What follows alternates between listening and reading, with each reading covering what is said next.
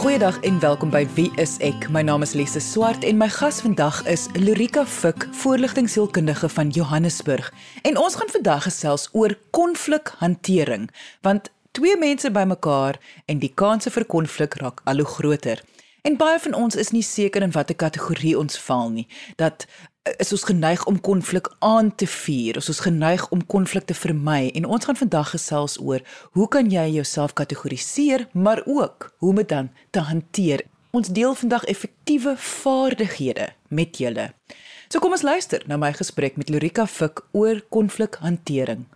Lorika, as mens praat van konflik, dan wonder ek altyd by myself, hoekom moet 'n mens dit in die eerste plek hanteer? Hoekom kan 'n mens nie maar net dit vat soos dit kom nie? Ek dink as 'n mens dit net vat soos dit kom, dan is dit bietjie soos om in 'n vreemde land te gaan en jou eie taal te praat. Ek dink niemand gaan jou verstaan nie en jy gaan dan op 'n plek kom waar jy nie jou behoeftes bevredig kry nie en dat jy dan onbevredigd voel en eintlik net ongelukkig raak. So konflik is 'n taal wat jy leer praat met die mense om jou en ek dink meeste mense in vandag se tyd sien dit nie so nie en ons leer ook nie ons kinders die taal van konflik nie en dan raak hulle net meer en meer gefrustreerd en ons almal as mense raak net meer en meer gefrustreerd indien ons behoeftes nie bevredig word nie. Ons almal assosieer konflik met 'n negatiewe ding. Dis negatief om in konflik met mekaar te tree. Is dit altyd negatief of kan dit ook positief wees? Konflik kan baie negatief wees mits jy nie weet hoe om die konfliktaal te praat nie want gewoonlik wat dan uitkom wanneer mense nie die ehm um, ek wil sê die skills het om met 'n spesifieke ding te werk nie dan raak hulle baie gefrustreerd en dan kom aggressie uit nou onthou aggressie kan passief ook of aktief wees. So aktiewe aggressie is gewoonlik jou geweld of waar mense goed sê wat baie seer maak, maar dit word na die buite lewe toe of na die omgewing toe uitgestoot. Waar passiewe aggressie is natuurlik waar jy die stilstype het met mense, waar jy sekere goeders weerhou, waar jy inligting weerhou van hulle en ophou kommunikeer. En basies is dit dan baie negatief. Maar wanneer jy met veral met paartjies werk wat in terapie sit, kan hulle vir jou sê die oomblik wat hulle konflik leer praat het, is konflik die groot bestanddeel tot groei en koneksie in hulle verhouding. So wanneer konflik korrek behandel word, dan kan jy dit gebruik tot jou voordeel in plaas dat dit eintlik jou benadeel. Waar begin 'n mens wanneer mens kyk na hierdie onderwerp? So die eerste plek om te begin dink ek is om te verstaan dat daar vyf hoofstrategieë van konflik is so jy kan nou natuurlik uitvind waar sit ek op hierdie konflik prentjie want ek wil dit nie 'n spektrum noem nie want ek dink daar's verskillende komponente aan konflik wat ewe belangrik en eweveel waarde en gewig dra. So die vyf strategieë het ook met mekaar te doen wat ek nou sal verduidelik. Die een strategie is kompetisie. Dis wanneer jy voel maar jy is reg en die ander persoon voel hulle is reg en nou is ons in konflik om te kyk wie word wel reg bewys. En wat gewoonlik met daai strategie gebeur is niemand wen op die einde van die dag nie. So jy eindig op om net in kompetisie te wees met mekaar en as jy kyk na imago terapie of so en dan is dit gewoonlik te maak met die magstryd wat tussen twee mense aangaan. En daai magstryd is eintlik vreeslik isolerend waar die een persoon voel net so alleen in hierdie proses en die ander persoon ook en éventueel connect ons glad nie meer met mekaar nie en dan sit jy met twee mense wat eintlik baie alleen voel. En dan die ander uh, ek wil sê selfgeldende strategie het te doen met vermyding en dit sal jy so baie hoor. Jy kry een persoon wat baie antagonisties of baie groot is op konflik en die ander persoon vermy konflik totaal en al. So ons was een keer het ek 'n konferensie bygewoon waar hulle gepraat het van die krimvarkie en die renoster. So die renoster is oop vir kompetisie. Ja, dis reg. Kom ons ons stamp mekaar rond, ons sorteer mekaar uit. Ehm um, waar die krimvarkie klim net netjies trek hy homself in. Sy penne is daar om hom te verdedig en hy neem eintlik glad nie deel in die dans van konflik nie.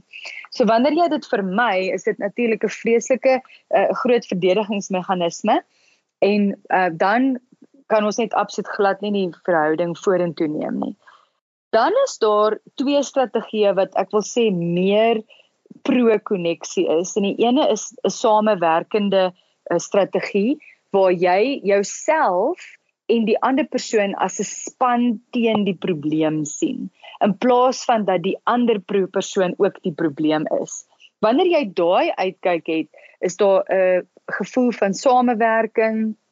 Beide van julle kom op 'n plek waar julle kan praat oor 'n ding, maar julle eksternaliseer die probleem in plaas van om een persoon uit die stelsel uit eksternaliseer. En dan die ander een is akkommodering, maar akkommodering kan éventueel 'n probleem word wanneer een persoon al ewig akkommodeer en die ander persoon akkommodeer nie of waar beide partye so akkommoderend is dat hulle eintlik nie tot die slotsom of die oplossing kom nie.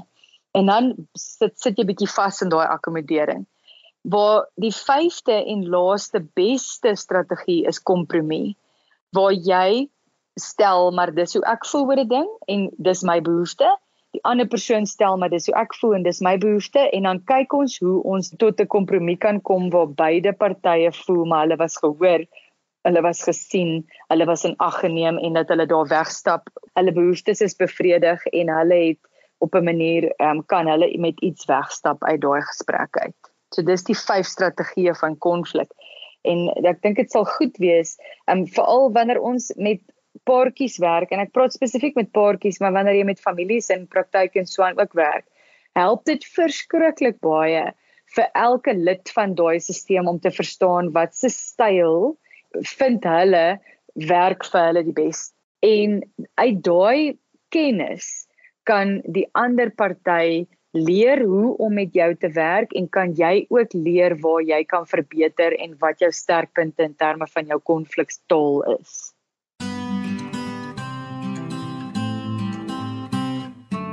Maar nou hoe gaan iemand weet watter styl om te kies? Of kies iemand anders dit vir jou, soos 'n professionele persoon of 'n derde party of so iets?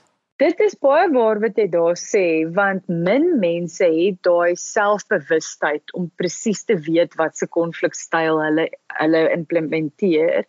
Die beste manier is om regtig oop te wees vir terugvoer van jou stelsel af, maar ook om te gaan oplees en regtig sin te maak van die verskillende strategieë sodat indien jou eggenoot byvoorbeeld vir jou sê ek vind dit vreeslik moeilik om met jou te praat want jy gee net al ewig in en jy sê net al ewig vir my dat ek reg is, maar ons kom nie eintlik tot 'n oplossing nie, dan weet jy dat jy eintlik op die einde om 'n akkommoderende strategie of styl te implementeer.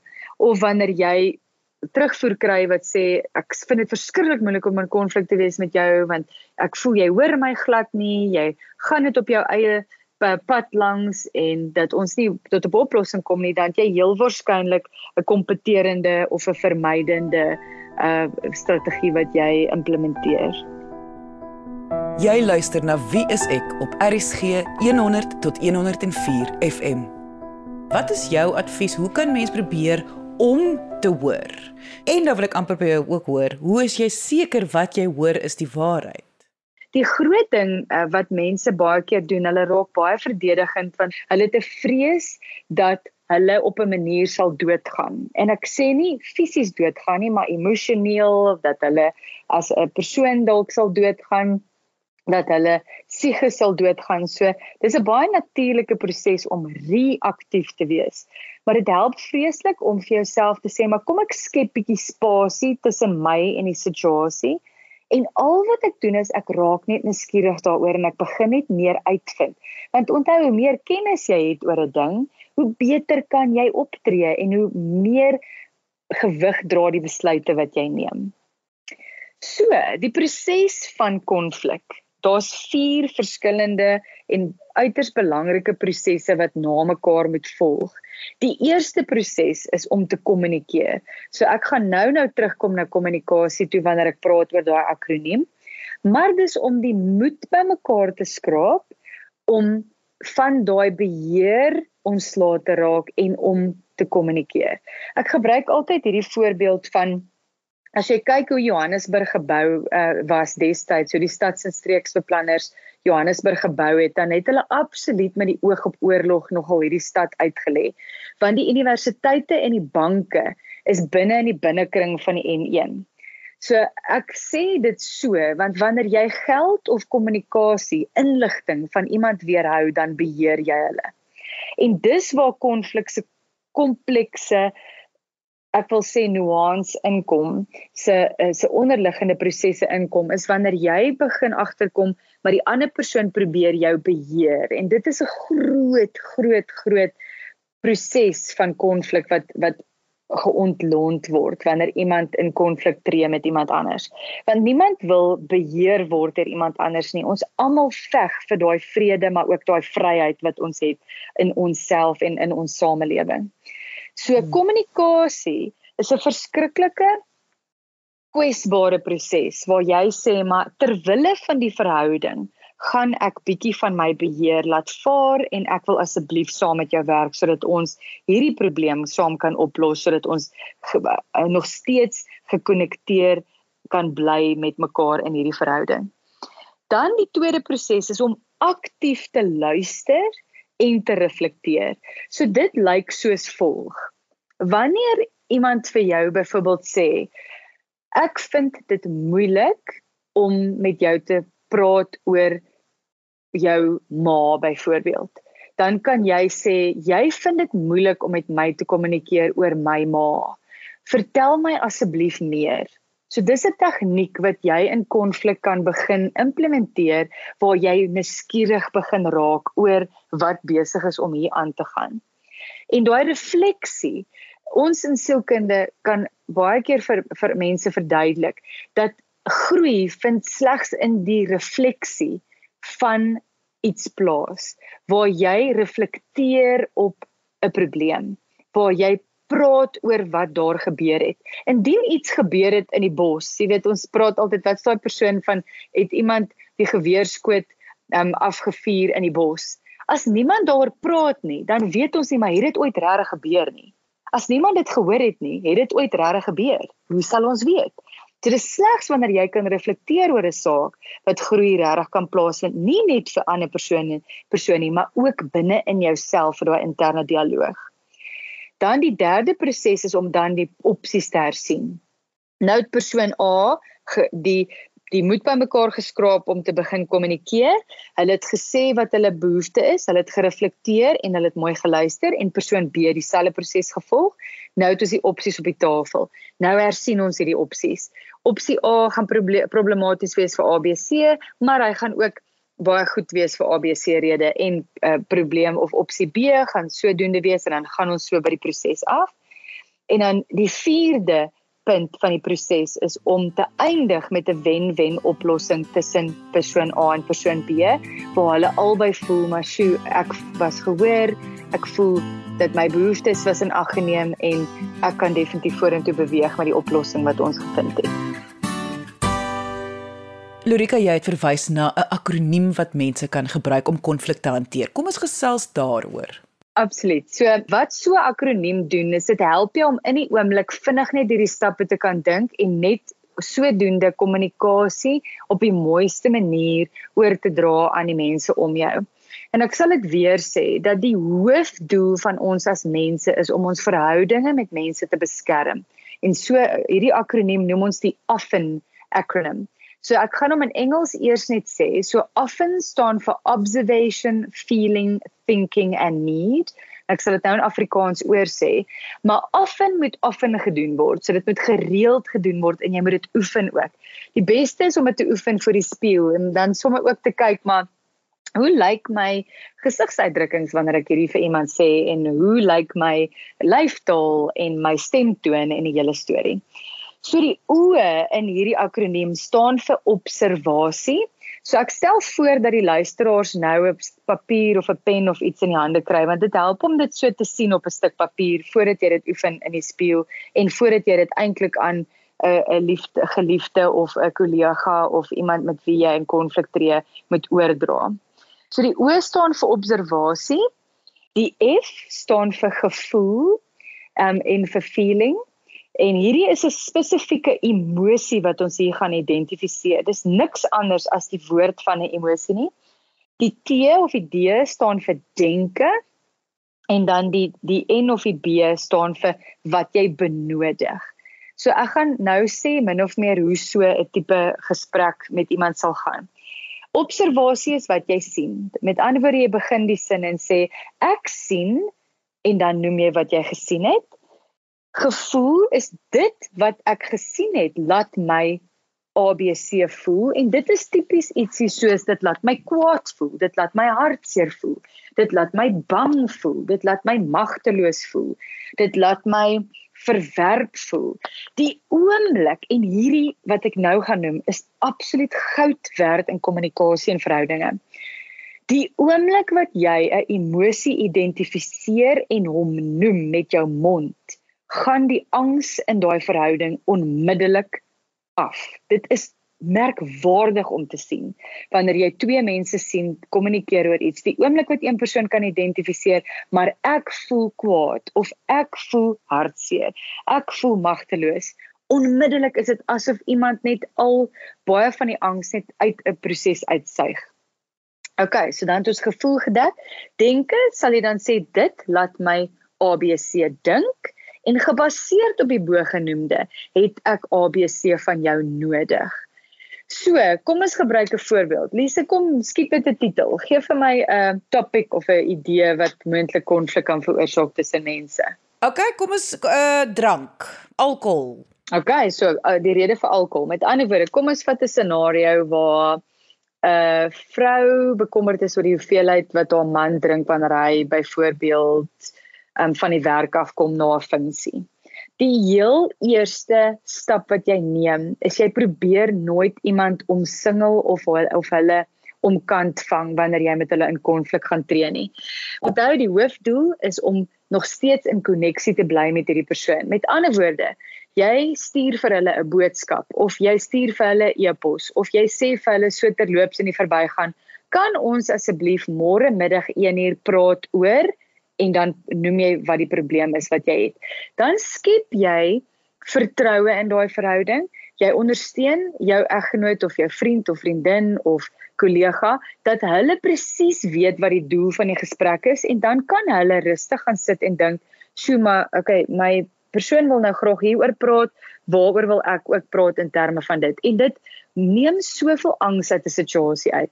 Ek vind die beste manier is om vir 'n geliefde byvoorbeeld te sê, kan ons asseblief môre aand praat oor die feit dat um, ek bekommerd is oor hoe baie jy drink by 'n funksie. En dan heel gewoonlik wil mense dit dan daar uitklaar en dan sê jy vir die persoon, maar ek wil asseblief hê ons dit ons ons dit eers môre moet um, aanraak want ek moet eers bietjie dit prosesseer en ek wil graag hê dat jy dit ook prosesseer. So stap 1 is om 'n uh, vergadering op te stel of om 'n geleentheid te skep waar ons daaroor praat. Ons probeer regtig nie iemand omsingel nie want dan is hulle dadelik op die agtervoet. So kom ons kom terug by die akroniem.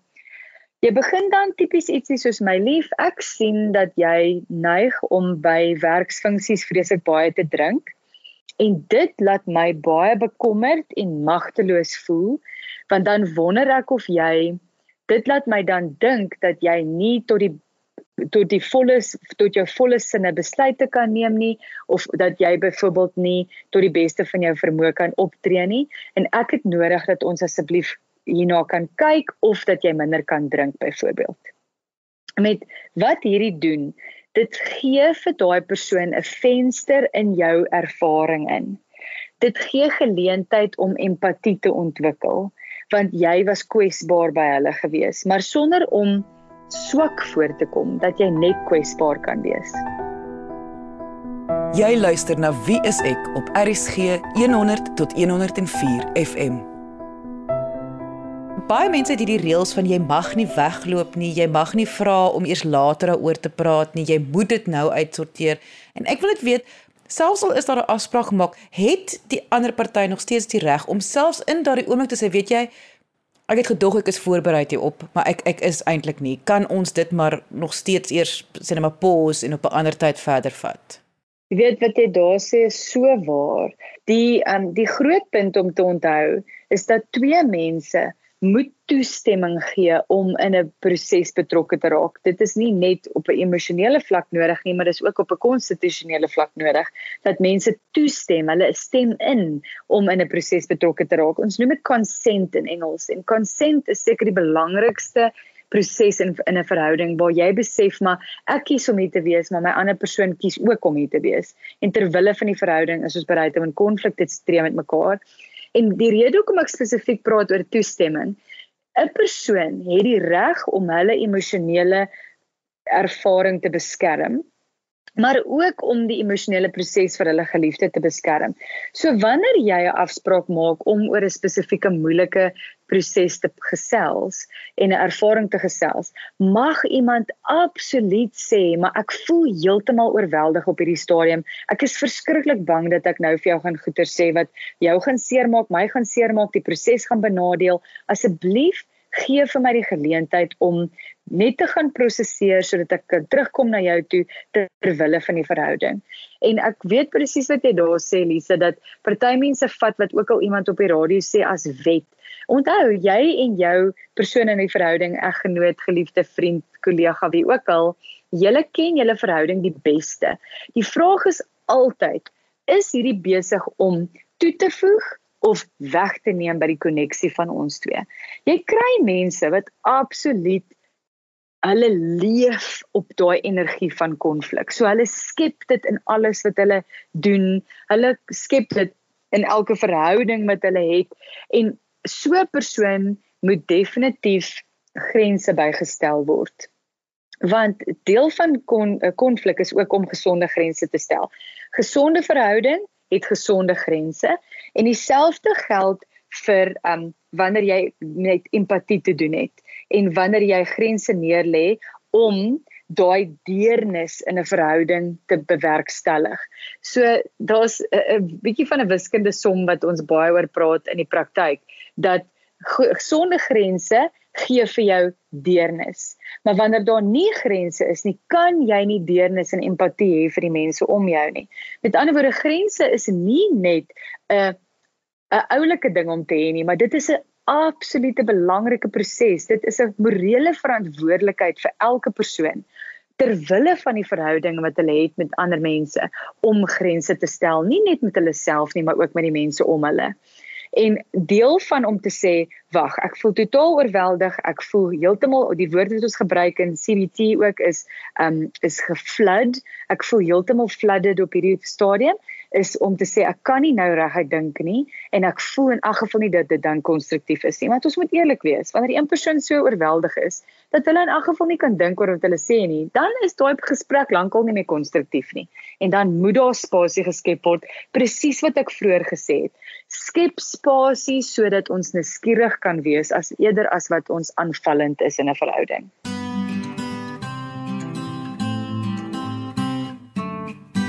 As jy leer om konflik reg te hanteer, dan gee jy 'n absolute geskenk vir daai verhouding, nie net vir vandag nie, maar sommer vir dekades wat kom. En die groot ding, ek vra altyd vir mense, as jy 85 jaar oud is en jy kyk terug op jou lewe, waaroor sal jy spyt wees en waaroor sal jy bly wees? En ek het die voorreg gehad om met baie mense in palliatiewe sorg te werk waar ons hulle help essensieel om vrede te maak sodat hulle kan doodgaan. En 100% van daai mense sal vir jou sê ek wens ek het my verhoudinge beter opgepas. Ek wens ek het geleer om konflik beter te hanteer. Jy gee vir nie net vir die verhouding nie, maar ook aan jouself 'n geskenk vir jou ou dag of vir die dag wat jy doodgaan wat jy kan sê maar ek het alles gedoen om daai koneksie met mense te bewerkstellig in my lewe en hulle aktief en passief sommer te leer lief hê. En dit was voorligtingsielkundige van Johannesburg Lorika Fik. As jy enige vrae het, kan jy ons kontak deur ons webwerf gaan net na www.wieisek.co.za of kom gesels saam op ons Facebookblad onder wieiseksa.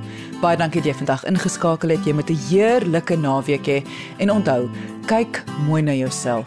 thank you